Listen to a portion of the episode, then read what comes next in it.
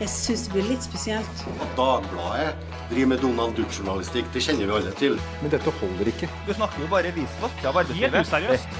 You are fake news. Go ahead.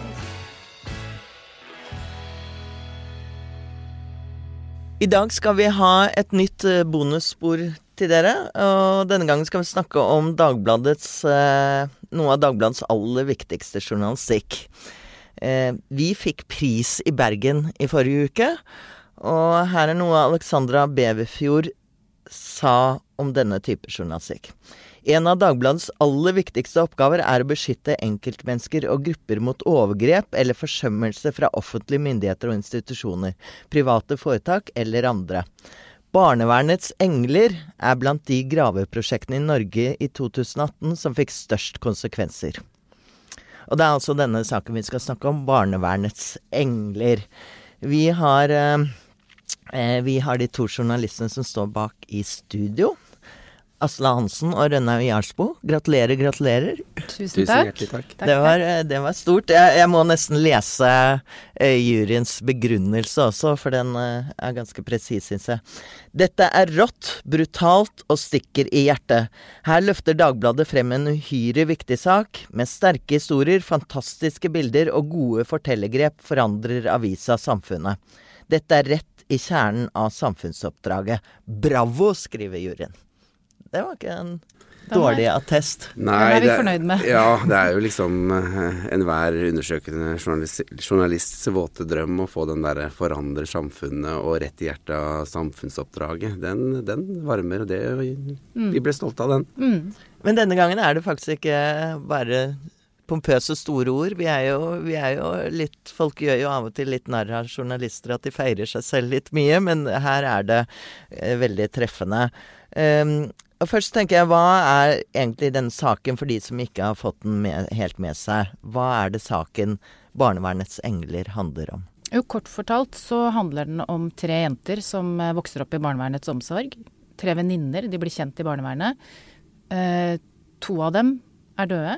Eh, en av de lever, men eh, lever et eh, hardt liv, må vi vel kunne si. Det er den korte historien. Etter hvert så Det er handler jo dette om ja. mye mer, og også om flere. Og alle tre blir jo eh, tunge rusmisbrukere i barnevernets omsorg. Så det er jo sviket fra eh, det offentlige. Her har det offentlige tatt over omsorgen fordi foreldrene av ulike grunner ikke strakk til. Eh, den omsorgen de fikk eh, av Hva skal vi si? Avdekker vi? Eller den strekker jo ikke til, den heller, hvor man vil trygt kunne si. Jeg, jeg lurer på hvordan, hvordan eh, kommer dere inn på en sånn sak? Altså, den er jo vanskelig på alle mulige måter. Ikke minst dere nevner at to av, to av jentene er døde. Eh, men dere fikk kontakt med den tredje. Ja. Det Den begynte på en litt spesiell måte. Vi fikk et oppdrag, vi ble satt sammen i et team, fikk et oppdrag om at vi skulle lage den store barnevernssaken. Norsk barnevern har jo vært i stormen de siste åra, kan man vel trygt si. Eh, Så vi satt egentlig og gjorde research for å finne hvilke problemområder vi ville fokusere på.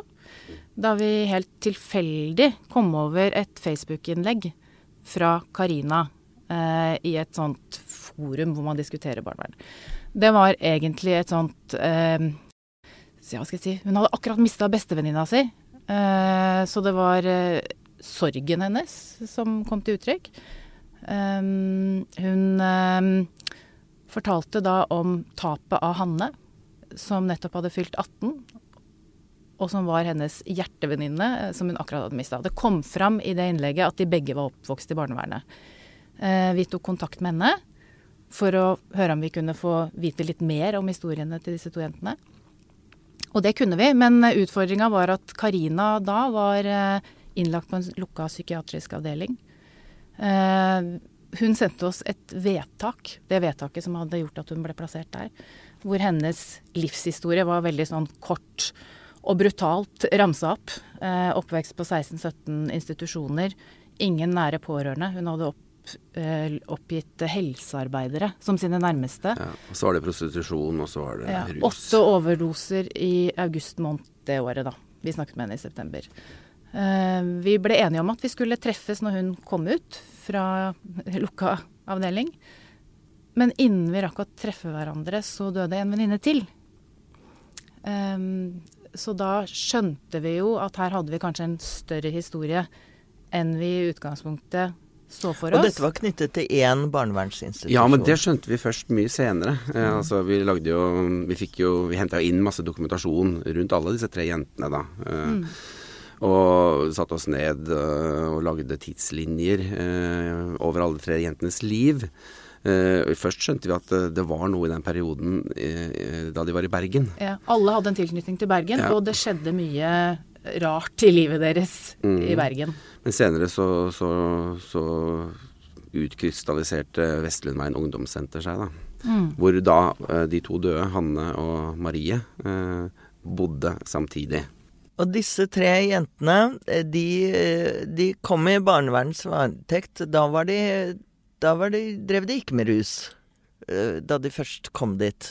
Nei, ikke mer rus enn vanlige ungdommer driver med. Ja. Um, de hadde vel prøvd noe, men de, de hadde ikke et rusproblem. Ingen Nei. av de hadde et rusproblem, Det hadde ingenting med det å gjøre at de havna i barnevernets omsorg. De var, altså Marie var vel litt yngre, åtte år, da hun kom i barnevernets omsorg. Ehm, kom fra vanskelige familieforhold. Eh, Karina, hun eh, var 13. Kom også fra vanskelige familieforhold, litt annerledes enn Marie. Hanne, eh, det samme. Hun var vel 12, akkurat fylt 13. Mm. Mm, eh, ulike deler av landet, men traff hverandre da på institusjoner. Ja, men vi har jo omtalt altså Hanne hadde jo prøvd eh, Hadde prøvd eh, hasj og amfetamin. Men hun hadde ikke et eh, stort rusproblem? Nei, for hun gikk jo fra, fra liksom målgruppe lav risiko til rus bare på egentlig noen få måneder, hun i 2015. Men hvordan skjedde det? Jeg må si jeg ble ganske sjokkert over hva de svarer fra institusjonen når de, når de beskriver hvordan dette kan ha skjedd. Det ble vi òg. Ja. Vi hadde nok eh, Jeg hadde større tiltro til staten og statens omsorg, altså hva de har å by på når de griper inn. Dette viste seg jo å eh, være Hva skal vi si Det er et statlig svik. Det er et statlig svik. Altså, vi, vi kom jo tidlig i kontakt med, eh, med ansatte i Bufetat region vest. Eh, ansatte som hadde jobba med disse jentene, ikke sant. Og, og, og mange kilder fortalte jo uavhengig av hverandre eh, at eh, jo da, i institusjonen de var godt klar over at, eh, at, eh, at han eh, satte sprøyter inne på institusjonen. Men, men de trodde at det bare var en Ja, så svarer, så sitter vi med først, en sit-down-intervju, og så sier de eh, ja, nei, eh, vi trodde det var amfetamin. Akkurat som om da skulle det være greit. Ledelsen sier dette. Ja. Altså for de vi hadde kontakt med av de ansatte, var jo folk som jobba på gulvet. Deres eh, fortellinger, eller hva vi skal kalle det, stemte jo veldig godt overens med ungdommenes, da, som vi også etter hvert fikk kontakt med. Vi har jo vært i kontakt med veldig mange av de andre som også bodde på denne institusjonen. Ehm, de bekrefta hverandres historie, men ledelsen ved institusjonen og i Bufetat Vest de gikk ganske langt i å benekte at dette kunne ha skjedd eller skje.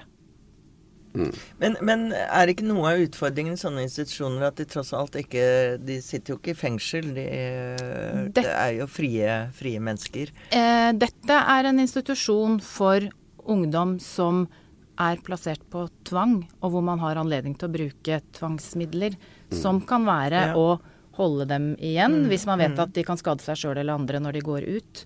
Som kan eh, De har vet Altså, man kan beslaglegge mobiltelefon hvis du vet at du bruker mobiltelefon til å kjøpe dop eller prostituere deg. I lovverket så, så når de finner eh, sprøyter på badet, så burde man eh, ja. ha satt inn ja. altså, det, er noe som heter, det er noe som heter omsorgsansvaret i, i, i lovverket, og det tilsier at eh, man skal hindre eh, farlig atferd. Eh, og det er jo det eh, som ikke er gjort i denne saken, da. Og så igjen virker det som om det var dårlig kontroll av institusjonen. Ja, stemmer. Um, fylkesmannen, som er kontrollinstansen, hadde jo vært på flere tilsyn. Og hadde også påpekt at det skjedde ting der. Men likevel eh, sa de at de drev forsvarlig. Ja, men det var jo nesten Det var jo også sånn at, eh, at eh, denne institusjonen hadde blitt løftet opp og fram, heiet fram av fylkesmannen. og Forandringsfabrikken. Eh, Som et forbilde. Altså de drev Ja. forbilder. De klarte å håndtere disse vanskelige ungdommene, kanskje de vanskeligste i landet, uten å bruke tvang. Fordi når man bruker tvang, da, beslaglegger en mobiltelefon eller hindrer dem i å gå ut, så skal du skrive en tvangsprotokoll.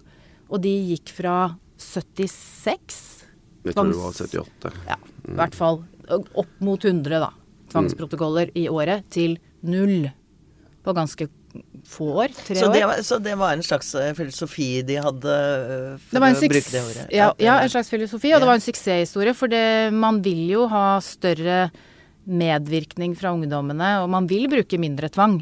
Eh, Mm. Men tvang er jo innmari mye. De fleste ser jo for seg mm, beltesenger og reimer, ikke sant. Ja, ja. Og at man holder folk nede. Eh, Men det er mye som går på vanlig barneoppdragelse, egentlig, da. Og så rustestet de jo aldri på Vestlundveien ungdomssenter. Nei. Og det er jo i grell kontrast til alle de andre eh, høyatferdsinstitusjonene i landet. Mm. For der rustestes det rimelig ofte. Eh, Deres filosofi var at eh, ungdommen selv skulle komme og fortelle hvis de rusa seg. Å rusteste, det var på mange måter Dette et kan minne om litt sånn 70-talls eh, filosofi. Ja, og det er jo ikke i tråd med det oppdraget de har heller. Fordi eh, de skal jo som sagt beskytte dem Dette er mindreårige. Ja. Og dette fikk jo store konsekvenser for uh, Det det For selve institusjonen og alt. Uh, men eh, det skjedde jo av deres eh, opprulling av denne Mm. saken. Eh, men hvordan var det å jobbe med den? Altså sånn konkret, var det vanskelig å få opplysninger ut av eh, det offentlige systemet? Er det Hva skal vi si? Ja, eh, det er klart at eh, dokumentene vi fikk innsyn i, eh, de er jo svartsladda så det holder, da. Altså, De er veldig tilbakeholdne med informasjon som kan klassifiseres som personopplysninger. Men vi følte vel også at vi var utsatt for en regelrett eh, siling av informasjon, fordi eh, Bufetat region vest var jo innledningsvis ganske opptatt av at vi skulle vite at fylkesmannen i Hordaland, som det da het, hadde ment at eh, både plasseringen av han på Vestlundveien og den behandlingen hun fikk der, var, eh, var forsvarlig. Så de sendte oss da et dokument eh, hvor, hvor det framgikk, men de hadde da sladdet eh, eh, ja, nokså eh, nøye gjennomtenkt sladding, vil jeg kanskje kalle det. Hvor, eh, hvor de hadde sladdet vekk ting, ord som bevisstløs, eh, overdose med heroin, sånne ting de ikke ønsket at vi skulle vite, da. Men bare det at vi hadde jo den informasjonen fra andre steder fra før av. For vi visste hva som sto under sladden. Vi jobba jo bredt. Vi har jobba med den saken her i tre kvart år. Eh, og vi hadde jo mange kilder eh, som ga oss Altså én ting er de muntlige kildene, men vi hadde jo også kontakt med familier som kunne gi oss noe dokumentasjon, i hvert fall. Det skal sies at det var heller ikke så lett å få ut all dokumentasjon fordi de faktisk var døde, to av disse jentene, da. Og da var det juridisk litt eh, vanskelig. Ja, var advokatene deres eh, var fremdeles bundet av taushetsplikten. Og så, når, noe slikt skjer, så spør man seg jo både eh, hva som har skjedd i selve institusjonen, men også hvordan kunne disse jentene blitt reddet på Eller tatt bedre vare på. Og noe av det man spør seg, er jo nettopp om barnevernet gikk for sent inn og tok omsorg for disse jentene, kanskje. Kanskje det er vanskelig for oss å svare på i ettertid, men vi tenker jo at eh, de i det minste kunne fulgt loven. Og for vanlige folk så framstår det jo som merkelig at du kan sitte og ruse deg på rommet som 15-åring. Da ville jeg ringt barnevernet i hvert fall. Hvis jeg hadde funnet barnet mitt barnet dette skjedde i barnevernets varetekt. Ja, og vi har snakket med, med ansatte som har jobbet med disse jentene, som er av den oppfatning at det, det hadde jo ikke vært umulig å, å redde livet Nei. her hvis man hadde, hadde holdt dem Mm. rusfri, da. Mm. Har dere inntrykk av at eh, de egentlig visste hva som foregikk, eller? Ja. Ja. Det har vi vel også dokumentasjon på, Ja, vil jeg ja, si. ja. Nei, men, eh, Etter hvert men, eh, fikk vi dokumentasjon på det, fordi det viste seg jo at Bufetat f.eks. satt på dokumentasjon som viste at uh, Hanne, da, som vi snakker mest om her, ble rusmisbruker i barnevernets omsorg, og mens hun bodde på Vestlundveien. Men den holdt de tilbake i det lengste. Altså, hun flytta inn der 1.4.2015. Allerede i et skriv fra eh, inntakskontoret eh, i sommeren der, eh, Mm. ut på slutt på sensommeren, så skriver de rett ut at, at hun er blitt sprøytenarkoman mens hun bodde der. Mm. Da vil de ha nytt tiltak til henne. Hun må i rusbehandling. Mm. Og det papiret hadde jo Bufetat Vest når vi begynte å snakke med dem på vinteren, våren 2018. Og her var selvfølgelig Dette er dårlig for andre som kom inn der også, som eh, Ja. ble påvirket av dette. Og de ble jo indirekte da utsatt for en fare. Ja, og vi har jo kartlagt eh, beboerne for øvrig der. Eh, og statistikken vår, da, den er jo ikke vitenskapelig, men uh, vi har kartlagt dem, og mange fikk problemer med rus mens de Mm. bodde der. Hvorfor har dere uh, Hvorfor tror dere noe sånt kan skje? Uh, Har det altså med at det er, handler om ressurssvake mennesker som, som ikke har noen til å stå opp for seg? Mange av disse, flere av disse hadde jo liten eller ingen kontakt med familien sine. Eh, Det var ikke pårørende som sto og banket på døren. Jo, det var også pårørende som prøvde å banke Ja. på døra, men de ble nekta eh, tilgang. Altså det er foreldre her som faktisk har forsøkt, men blitt avvist. Mm. Um, Ja, altså, men altså mo, Mora til Hanne hun har jo nå saksøkt både stat og kommune. Eh, Hun sto jo på eh, Mm. voldsomt. Hun kjørte den lange turen eh, til Bergen seks timer i bil for å Mm. leite etter Hanne om nettene da hun var på rømmen fra, fra Vestlundveien. Hun har virkelig stått på. Eh, Så Men når det er sagt, hvorvidt man kunne ha redda dem, det er jo i hvert fall ikke enkelt å øh, bli flytta fra institusjon til institusjon. Både Hanne og Karina hadde bodd på 16-17 ulike institusjoner fra de da var 13 til de var 18 år. Eh, Marie hadde også bodd på et stort antall institusjoner. Sånn at det er jo en ting. Kanskje ble de henta for seint, men det er vanskelige avgjørelser. Det er vanskelig å sitte i ettertid og si et like hva som spennende spørsmål er jo, er jo hvorvidt institusjoner fungerer. Det er jo et spørsmål som Helsetilsynet, eh, stilte seg selv etter at de hadde gjennomgått 60 institusjoner i fjor og funnet Mm. at det er svikt ved 45 av dem. Men de kommer til at der hvor det er god ledelse, så, eh, så fungerer det bra.